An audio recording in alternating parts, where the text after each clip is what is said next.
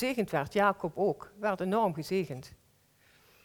Nou, um, Jozef, uh, zie je dan ook, uh, heeft twaalf kinderen gekregen, maar twee kinderen van zijn geliefde Rachel. En zo zien we dat uh, Jozef ook een heel verhaal apart is. Eigenlijk heeft hij op den duur ook niets meer en krijgt toch alles. En eigenlijk is die levensweg van Jozef, dat is van de droom naar de troon. Hij had een droom, daar begon het allemaal mee. Je zou maar een droom krijgen en je gaat dan naar iemand toe en dit is dan nog zijn familie en zegt dit en dit en dit.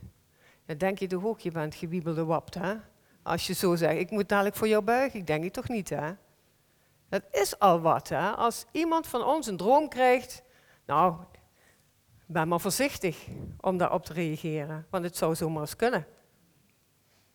Maar deze broers, die hadden zoiets, ja, de vader, die is een lievelingetje, hij heeft een mooie jas gekregen en ze werden steeds kwaader.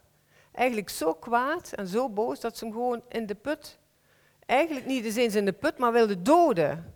Wat een haat. Wat een haat.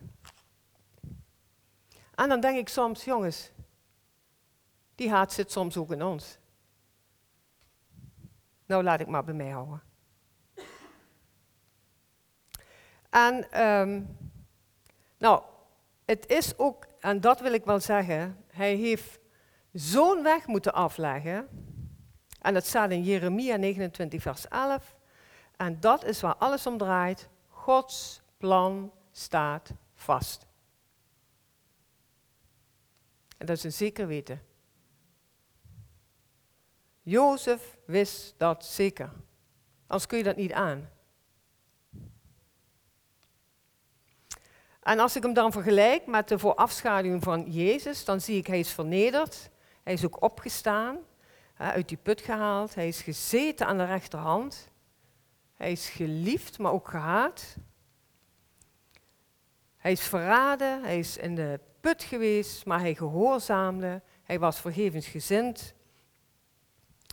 En hij zei, vergeef het hem, want ze weten eigenlijk niet wat ze doen. Dat zei hij ook tegen zijn broers.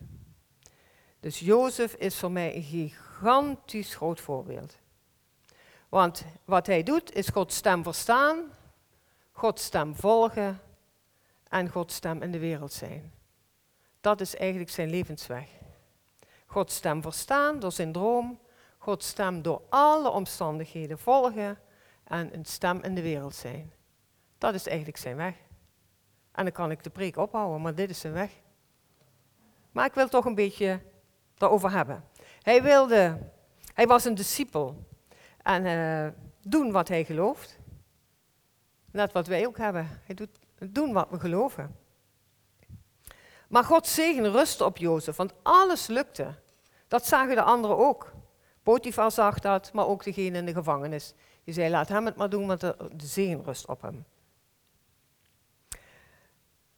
Jozef betekent God voorziet en maakt beter is mooi, hè? De namen hebben zo'n betekenis. Rachel betekent ooi, wisten jullie dat? Ja, ik vond het wel heel interessant. Dat is een woord van vrouwelijke schaap, ooi. En eigenlijk uh, herleidt dat naar Jezus, het lam.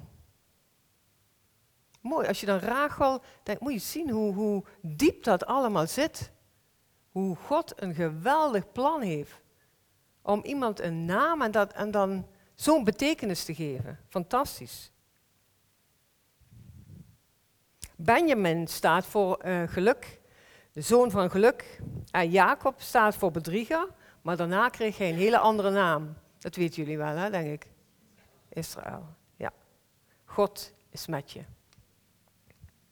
En zo wordt het volk dan ook genoemd. Maar na alles wat Jozef is overkomen, ik lees bijna niet in de Bijbel dat hij tijdens de moeilijke periode gehuild heeft, want dat staat er niet. Maar daarna pas, toen hij zijn broers zag. Dat vind ik ook wel interessant. De tranen heeft hij gelaten, negen keer. En die wil ik dadelijk ook benoemen. Maar ik wil het eigenlijk over hebben dat God zal alle tranen wissen. staat ook in de Bijbel. In de hemel en op de aarde. Dat is een vraagje aan u. Is dat ook voor nu als je tranen hebt? Het is heel stil in de zaal. Zal ik de vraag nog eens even stellen? Stel, hier staat, God zal alle tranen wissen in de hemel en op de aarde. Dus als ik vraag dat als je nu tranen hebt, zal hij die wissen. Ah, Oké, dus de vraag is nu duidelijker. Iets verkeerd uitgelegd. Ja, het is ook voor nu. Zeker weten. En net werd ook heel mooi gezongen, weet je, al moeten we ergens doorheen. We komen er niet onderuit om dingen er ergens doorheen te gaan. Een leuk voorbeeld. Ik weet niet of ik het gezegd heb, maar ik ben uh, met uh, het gezin van Linda en Pieter naar Zwitserland gemogen. En toen wilden hun graag naar boven. Ja, en aangezien ik enorme hoogtevrees heb, ik dacht de hele reis al, ik denk, ik hoop niet dat ze dadelijk zeggen, we gaan ergens naar boven. En jawel hoor, naar boven. En ik liep daar rond en ik, nou ja, dan word ik al helemaal beroerd. Er gebeurt er van alles in mijn lijf, want ik heb hoogtevrees. En dan zie ik die gondel. Honderd mensen kunnen er maar liefst in. Uh, nou ja, om maar even te benoemen, ik was bang. Ik was zo bang. Maar dan heb je een gezin naast je lopen en denk ja, dan kan ik twee dingen doen. Ik kan hier zes uur rondhangen in dat kleine dorpje en op hun wachten. Of ik zeg ik ga. Nou, mijn verstand zei ik ga. Maar mijn gevoel zei iets totaal anders. Ik werd er beroerd van, ik werd spierwit en Linda keek me zo aan. Die zei, oh mama, je hebt het echt moeilijk. Ik zeg, ja. En toen kwamen we steeds dichterbij bij die gondel. En toen zei ik, ik riep het bijna hard uit, ik wil hier weg. Dat zegt weer mijn gevoel. Maar mijn verstand zei, ja, Betty, doe dat nou maar even. Het was ook nog maar een heel kort stukje, hè? Ik, denk een 3,5 minuut, 4 minuten. Maar die ging zo, hè? niet zo langzaam, zo, weet je wat, heb je wel een skilift? Nee, die ging zo. En toen bedacht ik een plannetje. Ik zeg, jongens, ga om me heen staan. Ik kijk beneden en dan, nou, zo gezegd, zo gedaan. Ik ga zitten. Beneden, de kinderen zo erom me heen. En ik zeg, hoe lang is het nog, hoe lang is het nog? Nou, vervolgens, maar gewoon om een emotie even te laten gaan. Vervolgens ga je zo voor hoebel en je wordt misselijk. Nou, ik was zo doodbang. En het, het, dan kun je zeggen, ja, waarom ben je bang? Ik ken God, ik noem maar op. Maar mijn gevoel doet dat met me. Dit ben ik. En dan moet je eerlijk naartoe kijken. Kun je zeggen, ja, ik geloof in God.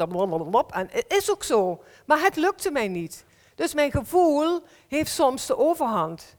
Maar ik moet daar eerlijk naar zijn en zeggen, dit heb ik, daar heb ik last van. Ja, daar kan ik ook niks doen, ik heb er last van. Ja, misschien kan ik er wel wat aan doen. Maar ik ben er doorheen gegaan. En toen ik boven was, wat bijzonder mooi. Dan loop je een klein stukje, zie je daar weer rotsen, een bochtje verder. Prachtig, adembenemend. Maar ik moest er doorheen. En mijn huilen stond mij nader als het lachen. Want heel de weg onderweg dacht ik nog, oei, jee, ik moet nog terug. Dat zit er dan ook nog in. Maar goed, ik heb het gedaan, ik heb het overleefd, is allemaal. En achteraf sta ik hier op de grond, is er, denk ik, oh Betty, wat een aanstellerij. Of wat is het toch, nou het stelt toch werkelijk niks voor? Voor mij wel. Amen. Ja, Harry, die is daar heel, heel gewoon mee, nuchter. Maar dat gevoel mag er ook zijn. Weet je, en dat kunnen we ook heel christelijk wegpoetsen. Ik ga weer helemaal van mijn lijst af. Je kunt het heel goed wegpoetsen. Door te zeggen, oh ja, ik geef het aan de Heer, maar wat doen we dan met ons gevoel? We houden ons gewoon voor de gek. Tenminste, ik laat het maar bij mezelf zeggen. En natuurlijk denk ik aan God. Maar als ik zo bang ben, hè, echt waar, dan, dan heb ik niet eens de mogelijkheid om te bidden. Het enige wat ik zeg, help, help, help, help, help is genoeg. Maar weet je, we moeten gewoon eerlijk zijn. We kunnen wel stoere binken zijn, maar we zijn soms zo'n kleine haasjes. Of ben ik dat alleen? Ah, oh, ik ben niet alleen. Maar het mooie is, hoe, hoe zeg je? Een ooi. Ja, ja een ooi. Maar het mooie is, weet je, als we dat gewoon durven te erkennen. Hé, hey, dit ben ik en hier heb ik last van. Dat is oké. De kinderen hebben me niet uh, gezegd, waar ben je stomme oma of uh, Weet je wat die naar de hand zeiden? Maar ik ben wel trots op u hoor. En dan mag je ook trots op jezelf zijn, want je gaat door iets heen. Dan is dit nog maar een kleine lift, maar ik wil niet ruilen met mensen die soms in zo'n moeilijke situaties zitten. En wij snappen het niet. Wij kunnen dat gevoel niet voelen waar mensen in zitten. Dat kunnen we niet. En dat is soms heel moeilijk, want je zou het willen. Maar ik kom daar dadelijk nog op terug. En ehm, tranen is zo van belang, want het is emotie. En ik denk bij mezelf, onze emoties, de mijne, zijn heel lang geblokkeerd geweest. En hoe meer ik Gods liefde ging aanvaren, hoe meer ik ook ging ontdekken, hé, hey, hier heb ik last van. En dat moest ik gewoon in de ogen aankijken. Hier heb ik last van. Wat ik een tijd in het begin heb gedaan, zei oké heer, u bent goed. Het is allemaal waar hè. Maar ik, ik overblufte mijzelf. Maar toen ik ging kijken, oké okay, Betty, hier heb ik last van. Oké, dat is heel lastig. En ik moet ermee zien te dealen. En dat is mijn stuk. Ik kan het ook niet aan Harry geven. Ik kon wel tegen Harry zeggen, ja Harry, ik heb mijn angst, hier heb je mijn angst. Dat kan niet. Dat is mijn stuk. En Harry kan daar ook niets mee. Hij kan, hij kan niet zeggen, ik pak het van je af. Of ik kan, hij, hij, het enige wat hij kan doen is een stuk begrip. En meer kun je niet. Dus wij hebben ons stuk te dragen. Maar in dat alles is hij erbij. Ook al voelen we het niet. En ik denk ook dat ik mijn emoties de ruimte mag geven. Ik had laatst een gesprekje met Maarten. Ik vroeg net, mag ik het even zeggen? Maar hij zei, ik weet het al niet meer. Maar goed, ik ga het even delen. Ik, weet nog, we waren hier bij, uh, bij Help Center en ik, ik, kwam binnen en hij zei, hey mam, uh, alles oké? En ik voelde me niet oké, omdat ik verdriet had, of iemand die mij heel dierbaar was en zo'n strijd leverde. Daar kun je soms zo geraakt door worden.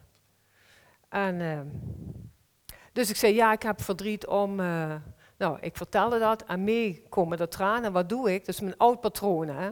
Ik ga zo naar beneden met mijn hoofd en ik ga wat aan mijn schoenen prutsen. Zodat hij mijn gezicht niet ziet. Dat deed ik vroeger altijd. De kinderen mochten mij niet zien huilen. Dat vond ik altijd tranen zijn. Nou ja. Dus ik zo. En mee dat ik het wilde doen, ik zat zo, ik denk niks ervan. Dus ik keek Maarten recht aan en ik begon te huilen. Of ik was al aan het huilen. En hij had ook wat tranen in zijn ogen, we huilden even. En het was oké. Maar ik heb de neiging dat niemand mijn tranen mag zien. Dat is het oude patroon. Soms gaat dat vanzelf, maar soms is er iets, denk ik, nee, laat maar, doe ik wel zelf of alleen. Nee, jongens, we hebben allemaal tranen. En als het opgeschreven staat in zijn woord, vind ik ook dat daar een stuk aandacht voor is. Nou, lekker door elkaar aan het gaan. Nou, wat ook belangrijk is, kijk, ehm, om dan maar even bij dat verhaaltje bij Maarten en te blijven. Stel, ik vertel hem dat, ik ga hem niet zeggen, ja, ehm, jij moet wat gaan doen voor die persoon. Ik ga hem ook niet zeggen, ehm, ik vind het zo zielig.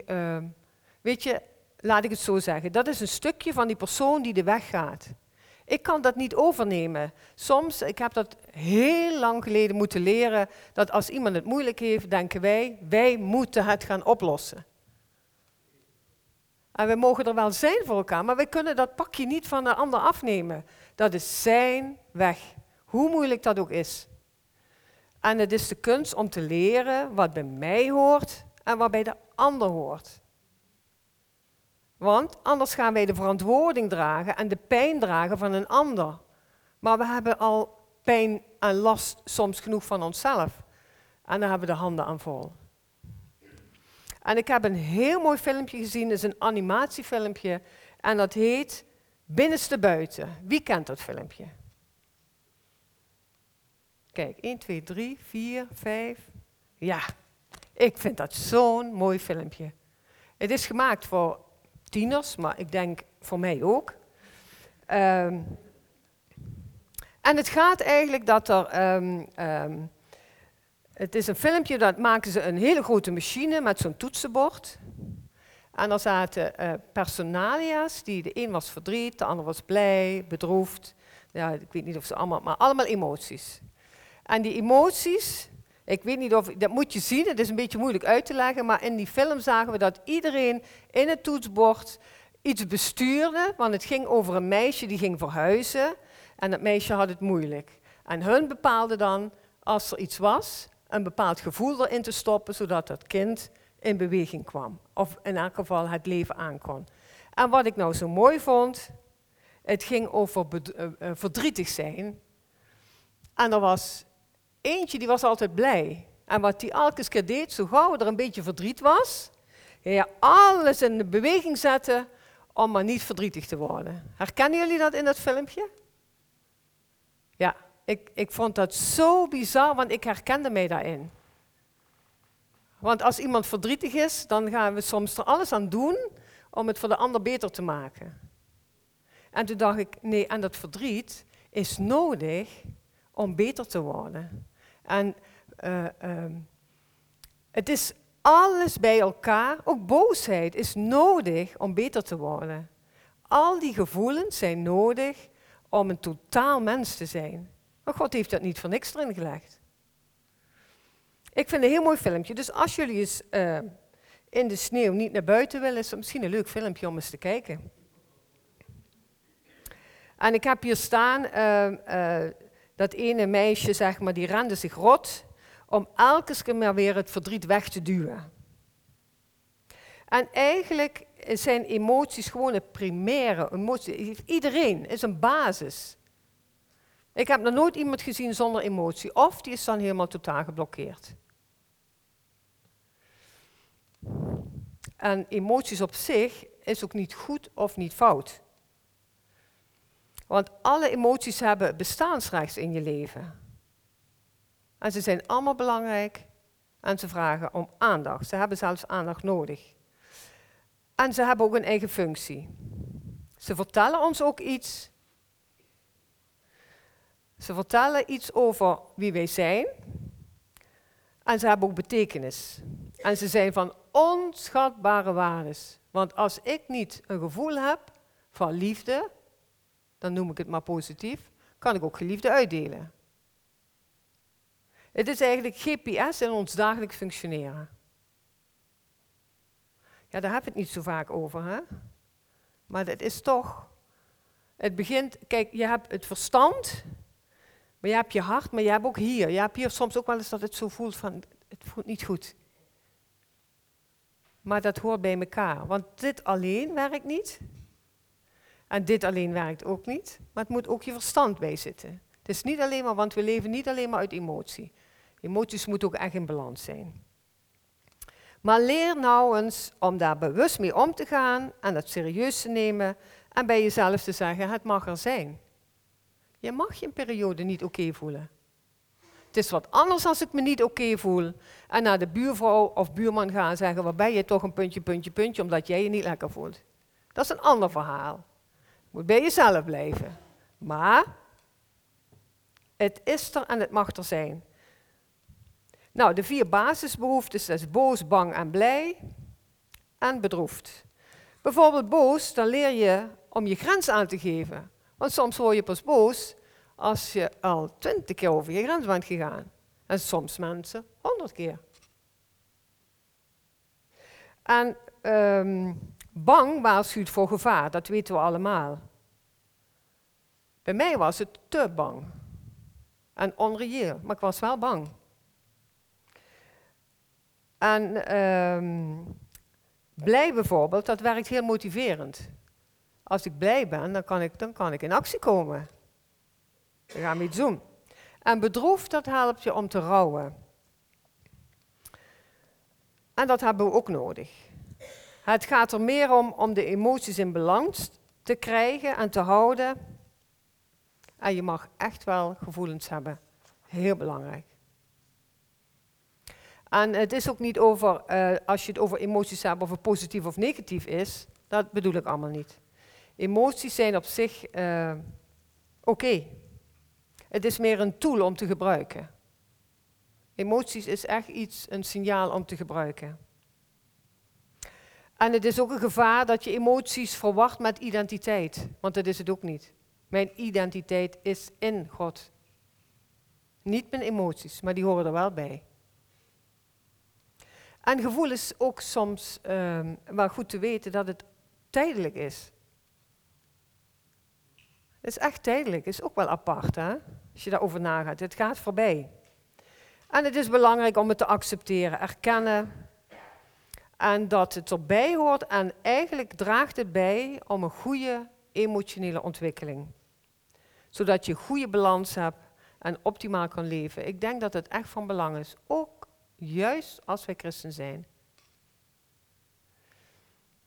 Bijvoorbeeld de functie van verlies van iemand, uh, bedroefd zijn, dan heb je uh, behoefte aan steun. Dat geef je dan ook aan als je verdrietig bent. En ik vind dat ook iets heel moois, dat hebben we nou laatst in de vrouwengroep, dat we ook als vrouwen aangeven, hey, wil je me helpen, ik heb hier en hier moeite mee.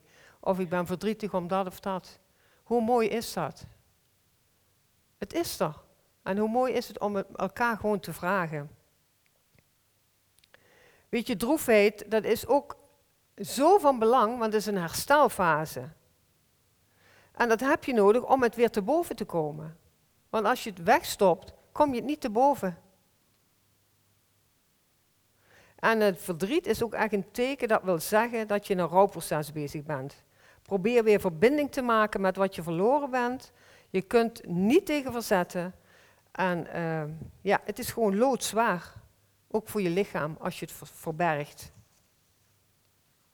Nou wil ik even weer terug naar de, de belofte van God. God belooft het volk zoveel. Hij wil zegenen. De gunst is op de mens. En dat zie je al bij God van Abraham, Isaac en Jacob. Generaties terug. Hij wil elke keer het volk zegenen. En dat wil hij ook doen door, door Jozef. En je ziet dat Jozef met 17 jaar uh, naar zijn broers ging. Uh, dan had Jozef gezegd, uh, of Jacob, ga maar daar naartoe, naar de broers. En de broers wilden dan dat listige plan bedenken. En je ziet, moet je eens voorstellen, je wordt verkocht aan, als, als, gewoon op de slavenmarkt. Dan bedenk ik me dat. Ik denk, oh wat een vernedering. Je hebt eerst bij je het lievelingskindje en dan ben je totaal niks meer. Je wordt gewoon totaal overgeleverd aan wie toevallig langskomt. Helemaal niks meer hebben.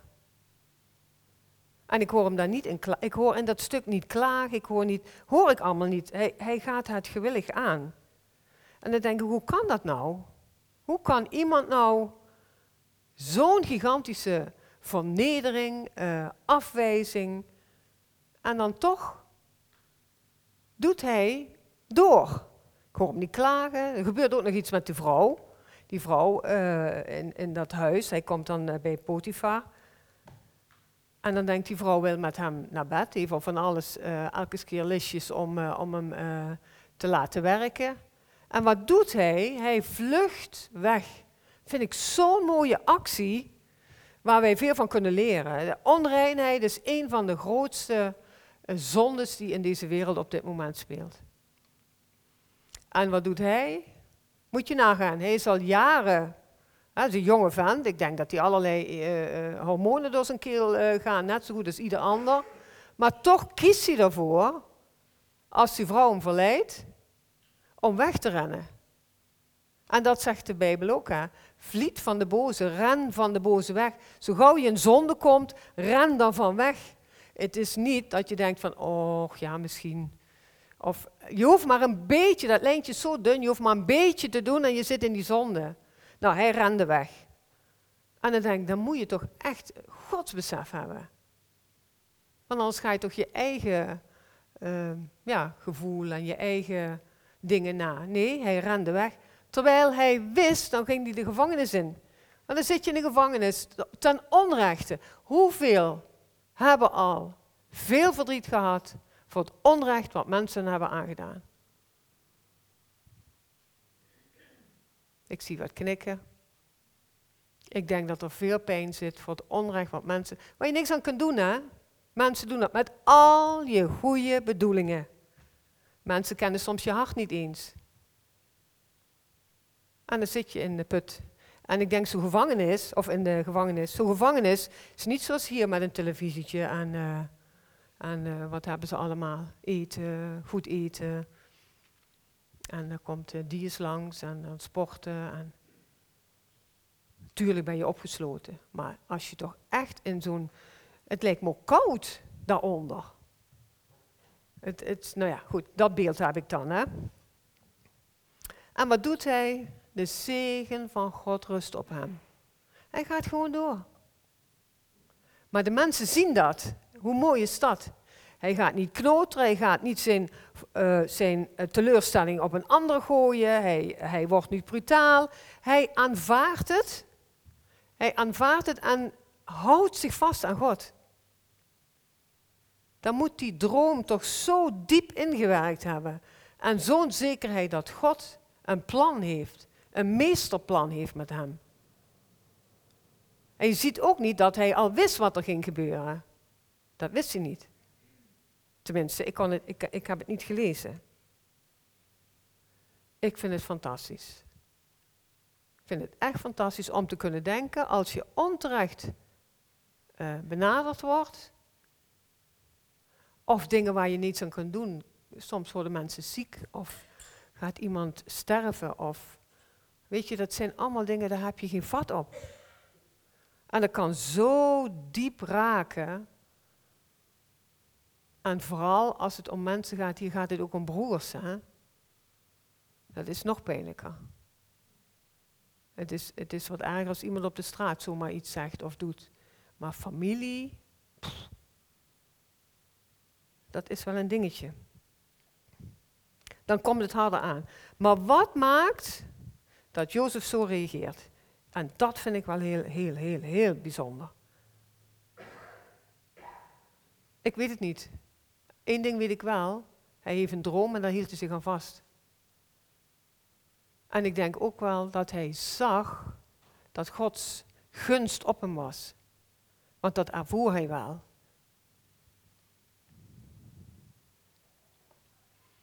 Ja, ik vind het echt een indrukwekkend verhaal. En wat ik ook zo bijzonder vind, en dat is ook in het leven, dat staat ook in Prediker, alles heeft zijn tijd. De ene keer is het rouwen en de andere keer is het blijdschap. De andere keer is vasthouden, de andere keer is het loslaten. Alles heeft zijn tijd. En Jozef zat in die tijd in de gevangenis.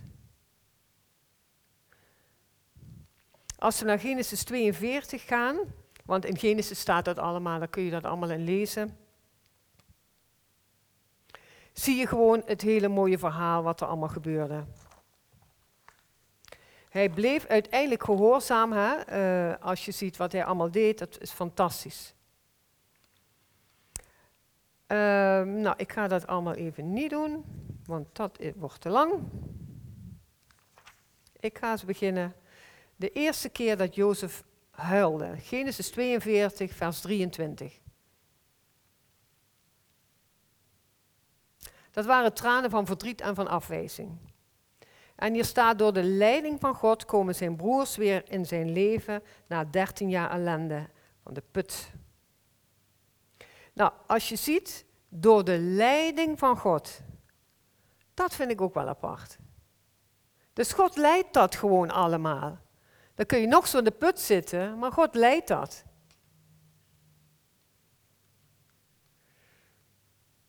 En er staat ook, ze wisten niet dat Jozef hen hoorde. Hij maakte gebruik van een tolk. En Jozef liep van hen vandaan. En Jozef kon zijn tranen niet bedwingen toen hij hoorde hoe de broers over hem praten. En wat gebeurde, en wat gebeurd is. En dit zijn echt tranen van verdriet, van afwijzing, want ze wilden hem doden. En die pijn, dat werd opnieuw herleefd. Want de broers hadden hem niet geaccepteerd. En ze hebben hem uiteindelijk behoorlijk vernederd. De tweede keer tranen, dat was in Genesis 43, 30. Dat waren tranen van gemis. Toen hij zijn broer Benjamin zag, rende hij haastig weg en hij schoot vol en huilde. Dus dan ging hij ook niet bij de groep huilen, maar hij ging dus weg. Dat was namelijk zijn broer van uh, dezelfde moeder, Rachel. Dat was een dubbele, dubbele bloedband. Hij huilde tranen van gemis. Hij had zich toen nog niet openbaar gemaakt. Nou, dat gemis, als ik aan jullie vraag, hoeveel mensen hebben al tranen van gemis gehuild? Ik denk allemaal. Allemaal. En dat is heel heftig, dat kan heel pijn doen. En dat kwam bij hem nu naar boven. Maar wij hebben dat ook. Wij missen mensen. De derde keer zijn er tranen. En dat staat in Genesis 45, vers 2. Van diep verdriet. En er stond, toen kon Jozef het niet meer houden. Hij huilde zo luid. Uh, ja, dus dat is eigenlijk ook heel bizar, want heel uh, het huis hoorde dat. Hij schreeuwde het uit van verdriet. Stel je voor, je bent die broers.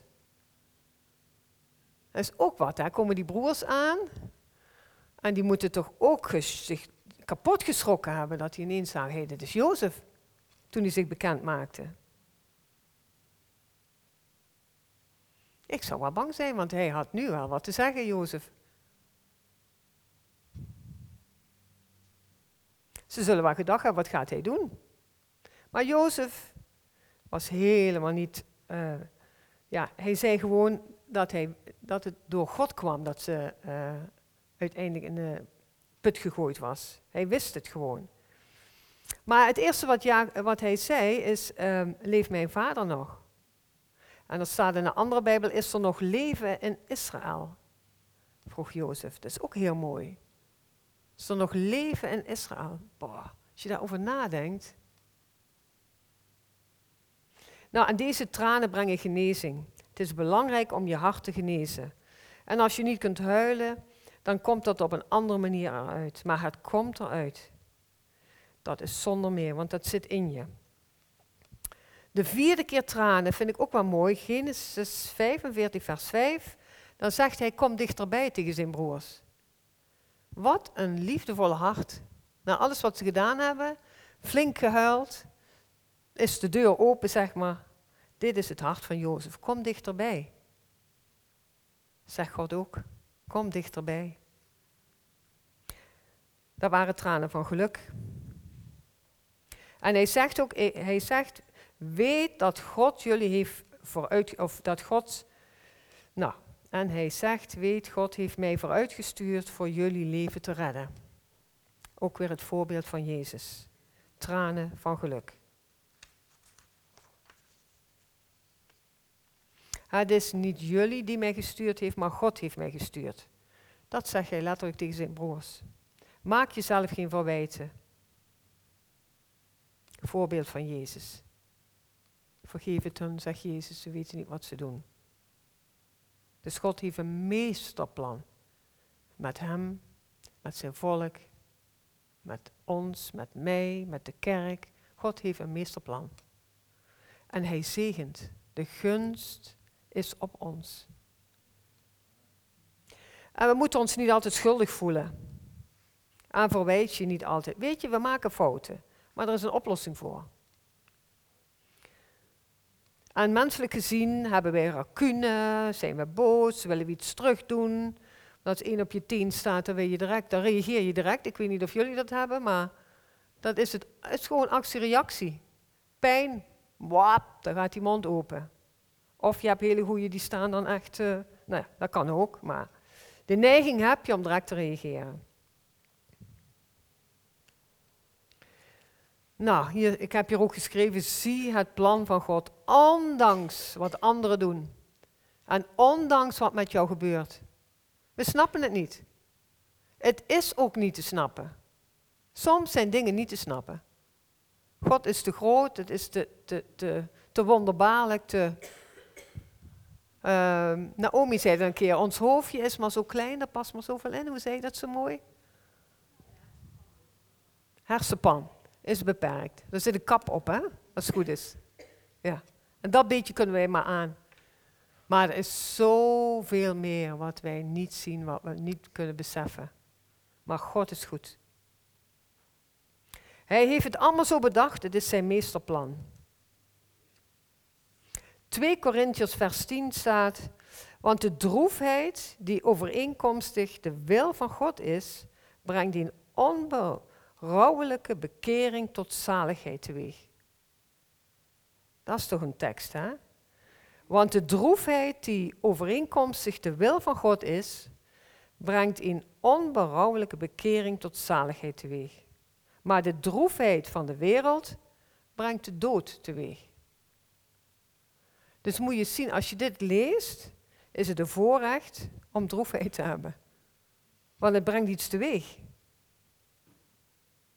Dat brengt zaligheid. Want ik denk ook, als jij geen verdriet kent, kun je bijna ook geen geluk. Soms moet je verdriet, soms kun je zo verdrietig zijn, doordat je ineens weer iets ziet, denk je, boah, dan maak je iets anders zo gelukkig. Maar alleen als je, er, als je niet geblokkeerd bent. Nou, ik ga weer naar de volgende tranen. Er zijn er nog een paar. Tra de vijfde keer dat hij huilde, dat is in vers 45, vers 14. En dat zijn tranen van liefde. Hij omhelsde zijn broer Benjamin en beide huilden tranen van liefde, van eenheid en bewogenheid. En volgens de vers, toen kuste hij al zijn broers en liet zijn tranen de vrije loop. Hij schaamde zich niet, de tranen die vloeiden werden omgezet in liefde die geneest. Zo mooi.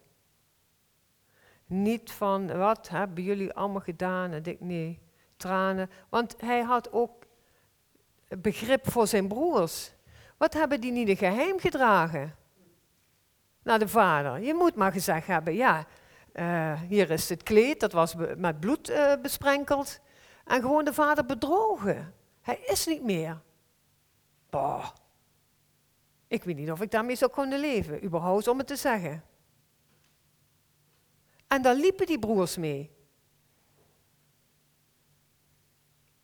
Ik kan je zeggen, als je geheim hebt, bieg het maar meteen op, want het komt toch aan het licht. En hoe langer het zit, hoe moeilijker het wordt. Maar hier waren tranen van blijdschap, van liefde, van eenheid en bewogenheid. Ik vind het ook wel knap als je, als je heel erg ehm, iets hebt meegemaakt en waarin je dan iemand anders gaat zien weer, terwijl de ander denkt dat, je, dat hij schuldig is. En je komt dan tegen, je kunt totaal dat vergeven, totaal. Het is oké. Dat is knap, hè? En ik denk dat je het pas kunt als je door al die tranen bent geweest. Dat geloof ik echt. En, en op God te blijven vertrouwen. Hier is ook weer het voorbeeld van Jezus.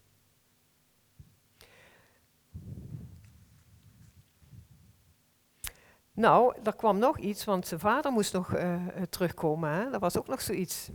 Dus die zonen moesten naar, uh, naar de vader om te zeggen, hé, hey, hij leeft nog. Dat is ook wat, ja. Moet je gaan zeggen, na zoveel jaar. En dan staat er, voor de, als ze zesde keer huilen, dan staat in Genesis 46. Jozef huilde van het gemis, maar ook van de vreugde om zijn vader weer te ontmoeten. En de vader zei, omdat ik u nu zie, kan ik rustig sterven. Dus voor de vader was dat ook wat. Gelukkig um, overleed uh, Jozef eigenlijk jaren nog samen te zijn geweest, dus ze hebben nog een hele goede tijd gehad. Of Jacob dan, hè. Maar hier staat de zevende keer tranen en dan is het dat hij huilde toen hij stierf. Zijn vader stierf. En dat was daar gebruikelijk dat er 70 dagen rouw was. Dat is wat. Staat in Genesis 50, vers 3. De Egyptenaren beweenden hem 70 dagen. En er is ook geen protocol voor te rouwen. Hè? Je kunt niet zeggen, soms kom je mensen tegen en vijf jaar uh, na het overlijden van iemand zijn nog helemaal uh, uh, in die emotie. En dan kunnen wij vaak zeggen, ja, hey, vijf jaar geleden, kom op zeg. Dat is geen, dat is geen, dat kun je niet zeggen zo lang. En rouwen, ja, ik ben niet zo goed in Nederlands, maar rouwen schrijf je OU, maar het is AU als je rouwt. Als je snapt wat ik bedoel. Het komt namelijk niet meer terug, het is definitief. En hoe verwerk je nou die pijn? Dat is bij iedereen anders. Maar het is er. Durf het aan te kijken, het is er. Je moet er doorheen, jammer genoeg. We moeten er doorheen. En waar je aan gehecht bent, moet je soms loslaten en het overgeven aan God.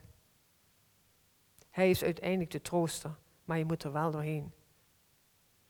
Nou, dan krijg je de achtste keer tranen. Het lichaam moest aan de aarde teruggegeven worden. Huilde hij ook om. Maar wat gebeurde er toen? Ja, dan komen er weer tranen. Dat is de laatste tranen. Ehm, toen hun vader niet meer was, waren de broers ineens heel bang. Die dachten, oh lieve help, wat gaat hij nu met ons doen? Want nou is de vader er niet meer. Wat gaat hij nu doen?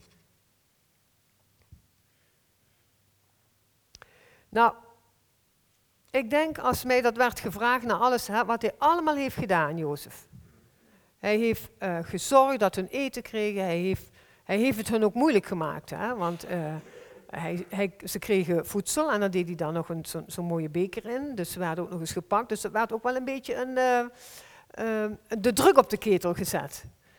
Maar uiteindelijk heeft hij dat moeten doorstaan, zodat hij een volk kon redden met voedsel. Niet alleen zijn broers, maar een heel volk. En hij heeft er alles aan gedaan om voor zijn eigen gezin van herkomst, om die een stuk land, dat ze konden eten, er was voldoende. Ze hebben eigenlijk alles gekregen. En dan gaat de vader dood en dan zijn ze bang wat hij gaat doen. En daar huilt hij ook om. Weet je waarom? Dat hij het heel erg vindt dat ze zo over hem denken. Ze kennen zijn hart niet. En dat hebben wij vaak ook bij God. We zijn soms verdrietig, maar we kennen Gods hart niet altijd. En die broers raakten meteen weer in angst, omdat ze zijn hart niet kenden. En hij huilde. Ik vind dat ook wel een dingetje hoor. Hebben jullie dat nooit? Dat je voor iemand van alles gedaan hebt. En dan nog één fout of één, want we maken toch fouten. Je zullen niet. Uh, en dan ben je gewoon. Uh, ze, je bent bang of ze vertrouwen je niet. Of ze gooien je met modder na. Dat is pijnlijk, hè? Ik zie niemand knikken. Ik heb dat wel eens hoor. Mensen echt, uh, echt teleurgesteld waren mensen. En dan denk ik, kennen ze mijn hart nou echt niet? Ja. Dat gebeurde in het leven. Maar hij huilde daarom. Hij erkende dat. Ja, dit gebeurt. En door die tranen, doordat die eruit zijn, kon hij dat ook weer loslaten. Wij zijn namelijk ook, um, goed, laat ik maar bij mij houden, uh, ik ben emotioneel niet zo heel goed opgevoed. Maar uit uh, onderzoeken blijkt dat wij 90% van alle keuzes maken vanuit ons gevoel, uit onze emotie. Je kunt een hele hoop studies volgen, je kunt uh, heel veel geleerd hebben, je kunt geoefend hebben, zelfs een theologie hebben gedaan, of heel wijs zijn. En sommigen zeggen, ik ben heel nuchter. Ja, misschien nuchter van uh, genotsmiddelen, maar nuchter, als je zegt ik ben nuchter, ben je soms bang om je emoties te laten zien. Want we hebben allemaal emoties. Allemaal. En uh, vanuit 90% maken we daar ook keuzes van. En dat is goed te weten. Uh, we moeten natuurlijk niet van, uh, vanuit emoties gaan reageren, maar ze zitten er wel. Maar soms willen we ze gewoon niet hebben en dan doen we maar net of ze er niet zijn. Maar daar raak je helemaal van slag van. Nee, ze zijn er, oké, ja. Nou, dat is dus heel lastig. En ik weet ook, zei ik net ook al, natuurlijk moeten we door de geest geleid worden, niet door de emotie. Maar lieve mensen, we hebben ze wel, want hoe mooi is emotie? Is ook iets heel moois.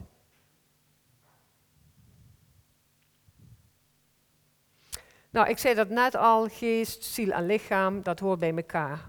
Nou, dat is ook bij de emotie, die hoort er ook bij. Ik ga even kijken of ik nog meer ga zeggen hierover. Nee.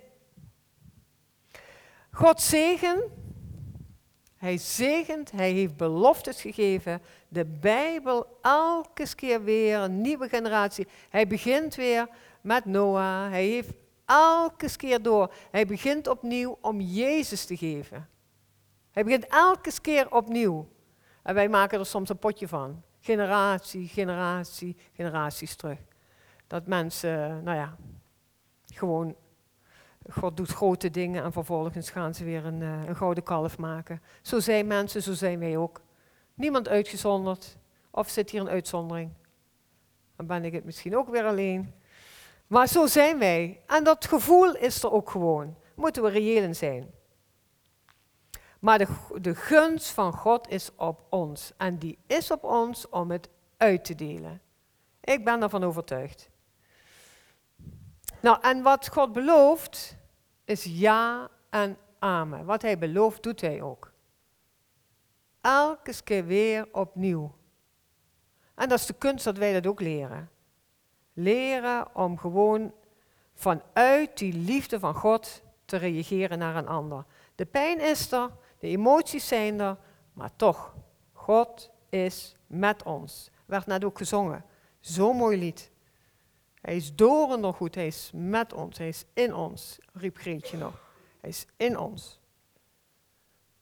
En dat is een ander leven. Maar dat wil niet zeggen dat we geen pijn hebben. Maar tranen zijn nodig. En God kiest namelijk ook gewone mensen uit. Hij zoekt niet uh, hele geleerde mensen uit, hij zoekt niet uh, gespecialiseerde mensen uit. Jij en ik, gewone mensen, gewone huisvrouw, gewone huisvader, moeders, kinderen, daar, de kinderdienst. We hebben gebeden dat de kracht van de Heilige Geest door hen heen gaat. Omdat ik geloof dat God al bij de kindjes wil werken. Zodat als zij die moeilijkheden krijgen, weten, er is een God die van me houdt. Nou, dat geloof ik gewoon. Daar word ik ook heel enthousiast over. Dat is ook voor ons. God heeft een plan met u. Al ziet hij het niet. Al zit hij in die put. Hij is er. Uw gunst, de gunst van God is op u. Dat was ook bij Jozef, bij alles wat hij deed, was de gunst, ondanks de ellende. Maar hij deed één ding, hij liet zich niet vangen op dat moment door zelf de dingen te gaan bepalen. Hij heeft het gewillig gedragen om te doen wat voor handen was. En God heeft hem erboven uitgetild. Nou, ik vind het heel belangrijk dat wij mogen huilen, dat we de kracht van het tranen ook zien. En dat we weten wat in Johannes 11 staat, vers 25. Ik ben de opstanding van het leven. Wie in mij gelooft, die zal leven. En dat zijn wij. Ondanks, dat zijn wij. Hij in mij. Hij in mij en jullie. En het is gewoon oké. En het is goed dat we eerlijk naar onszelf kijken. En zeg ook niet te snel, oh ja, het gaat wel voorbij, of ik geef het aan de Heer. Zeker moeten we dat doen. Maar het is niet zomaar opgelost. Dingen zijn niet zomaar opgelost. Ik wou dat ik dit kon doen. Voor iedereen die hier in de zaal zat, die met gigantische troubles zitten. Met issues, met zorgen. Nou, ik zou het willen, dit. Maar God dit doet, doet dit ook niet zomaar. Soms kan hij doen, maar hij heeft een plan. Hij wil mij, hij wil jullie veranderen. Hij wil jullie mooi maken. Hij wil je klaarmaken voor de hemel. Laat zij iemand, ja, moet ik op mijn leeftijd nog gaan veranderen? Ja, al doe ik het voor de Heer. Want dan zie ik hem straks zoals hij mij bedoeld gemaakt hebben. Hij heeft een doel met mij. Hij heeft mij laten geboren worden in deze tijd. Dus in deze tijd kan ik het leven aan. Anders had hij me wel uh, in de Romeinentijd of wanneer laten geboren worden. Maar ik, ik ben gemaakt voor nu. En ik kan het aan, want hij is met mij. Ook al voelt dat niet, maar het is wel zo. Durf ik het onder ogen te zien? Ja, het is moeilijk. En soms word ik afgewezen. En soms is er onrecht. En soms wordt er over mij geroddeld. Ja, dat is zo. Maar in hem ben ik oké. En daar heb ik verdriet van. Dat mag ook. Dat doet pijn. Ja, dat kunnen, nee, nee, het doet pijn maar pijn hoort erbij. En God neemt niet altijd alles weg. Je ziet, hij ziet jou en hij ziet het hier en het nu, maar ook de toekomst. En met Jezus word je sterker, mooier, vooral om een zegen te kunnen zijn. Ik kan namelijk oprecht met mensen praten die een kind hebben verloren. Daar kan ik oprecht mee praten. Ik heb het doorleefd, ik heb gehuild. Dat is oké. En ik heb het onder ogen gezien. En als ik nu met mensen spreek die rouwen, lieve help, ik ga, ik ga niet zeggen, hé, hey, schiet eens op en nu is het klaar. Of nee, ik kan zeggen, weet je, het is afschuwelijk. En ik huil met ze mee. Omdat je het zelf doorleefd hebt. Dus God laat de dingen toe om ook weer een zegen te zijn voor een ander. Dat geloof ik echt. Hij maakt je mooier en sterker. Zodat, hij een, zodat je een zegen kunt zijn. Want hij zegent jou. En tranen, die verschonen je binnenste, die verfrissen, die vernieuwen. Ook je gedachten. Want onze gedachten, die zijn soms ook zo, um, nou hoe zeg ik dat? Krom gegroeid, maar niet zoals God bedoeld heeft. En elke keer heb ik het nodig. En weet je wanneer dat pas gebeurt? Als ik heel veel verdriet heb, ga ik meestal pas echt wat veranderen. Als mijn leventje lekker loopt, doe ik niks. Dan laat ik het maar en dat is prima. Maar als God me echt wil veranderen, dan komt het in mijn diepe nood. Dan denk ik, wat doe ik nou toch? Hoe komt dat nou? Dat het, weet je, ga je eerst naar jezelf, maar dan ga je wel je spiegelen. En soms moet ik mijn gedachten totaal overgeven of loslaten en het nieuwe van God pakken. Want God zegt, ik ben met je. Punt. En dat moet ik leren. Want het oude is er nog steeds en omdat ik dat oude denk, ga ik daar ook naar handelen. Dus huilen is normaal en oordeel jezelf niet en oordeel mensen ook niet. Het is wat anders als wij alleen maar huilen en als het uit balans is of als het te is. Maar dat weet je zelf heel goed. Nou, en dit alles zet het je in beweging en word je zoals God bedoeld heeft. Hij wil niets liever dan jou zegenen. Zijn oog is op jou en zijn gunst is ook op ons. Hij wil ons het beste geven. Het feit dat hij een heel land, doordat Jozef in de gevangenis zit, heeft hij een heel land van de, van de hongersnood gered. Dus de mensheid ging weer door. God heeft een gigantisch groot meesterplan. Nou ja, ik heb hier nog geschreven, dat is het laatste blaadje, lieve mensen. Jullie hebben je heel netjes gedragen, moet ik zeggen. Je kunt een zegen zijn, ook als je in de put zit. Jozef wist zich gezegend, ook in de moeilijke tijd. En ik kon een zegen zijn. En zo worden wij gezegend om een zegen te kunnen zijn voor een ander. Amen.